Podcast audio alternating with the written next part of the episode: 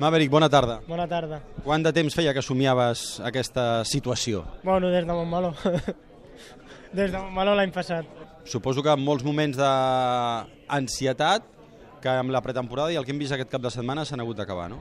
Sí, més que, més que ansietat, eh, amb les ganes no, de, de voler estar davant i realment eh, hem fet eh, un gran treball i estic molt, molt content amb el, amb el treball que ha fet l'equip perquè realment Suzuki aquest hivern ha, ha treballat molt dur i, i el que ens hem de marcar, no, que ja no tenim cap pneumàtic soft, és el mateix, així que crec que els lap times són verdaders. Llavors hem millorat moltíssim des de l'any passat. Sortint tercer, s'ha d'aspirar com a mínim al podi i no sé si es pot somiar a guanyar o què, no sé, jo pregunto. Bueno, al final eh, marcarà molt el ritme i les últimes voltes. No? Jo crec que serà important fer una bona sortida i unes primeres voltes. Així que jo crec que per demà sortiré a donar el meu màxim, a divertir-me com he fet fins avui. Així que tot pot passar, pot passar que anem molt ràpid i estigui davant totes les voltes, com pot passar que em quedi en un segon grup lluitant i no pugui fer el meu ritme. Jo crec que el meu pensament és intentar estar amb el primer grup i, i si puc eh, lluitar fins al final, lluitaré fins al final.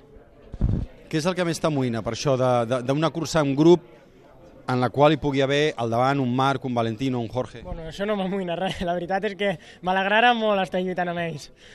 Eh, amoïnar res, crec que tot el que vingui serà bo, eh, estem complint els objectius, així que content. A veure, que avui ja s'ha obert el mercat de fitxatges i mira que no ha començat la temporada. Eh, per part teva, algú ha vingut a trucar a la teva porta ja o encara no? Bueno, de moment eh, Sí, per suposat sí, tinc, tinc ofertes no, de, de quasi totes les marques, però realment eh, estem pensant de moment amb, amb Suzuki, amb, amb aquesta cursa i amb aquest moment, no? així que estic pensant en donar el meu 100%, treure tot el profit que puc de la Suzuki, que de moment està sent molt bo. Per decidir t'esperàs unes quantes curses per veure on està el nivell real de, de Suzuki per poder valorar el que tens primer o no, no necessàriament? Per suposat, ells són els que m'han donat la, la confiança des del primer moment i m'agradaria molt, m'agradaria molt poder continuar amb l'equip, no? si realment tinc una moto competitiva i veig que tinc una moto per guanyar el campionat del món. Realment el meu objectiu és aquest i jo buscaré una moto que, que em pugui donar aconseguir aquest objectiu.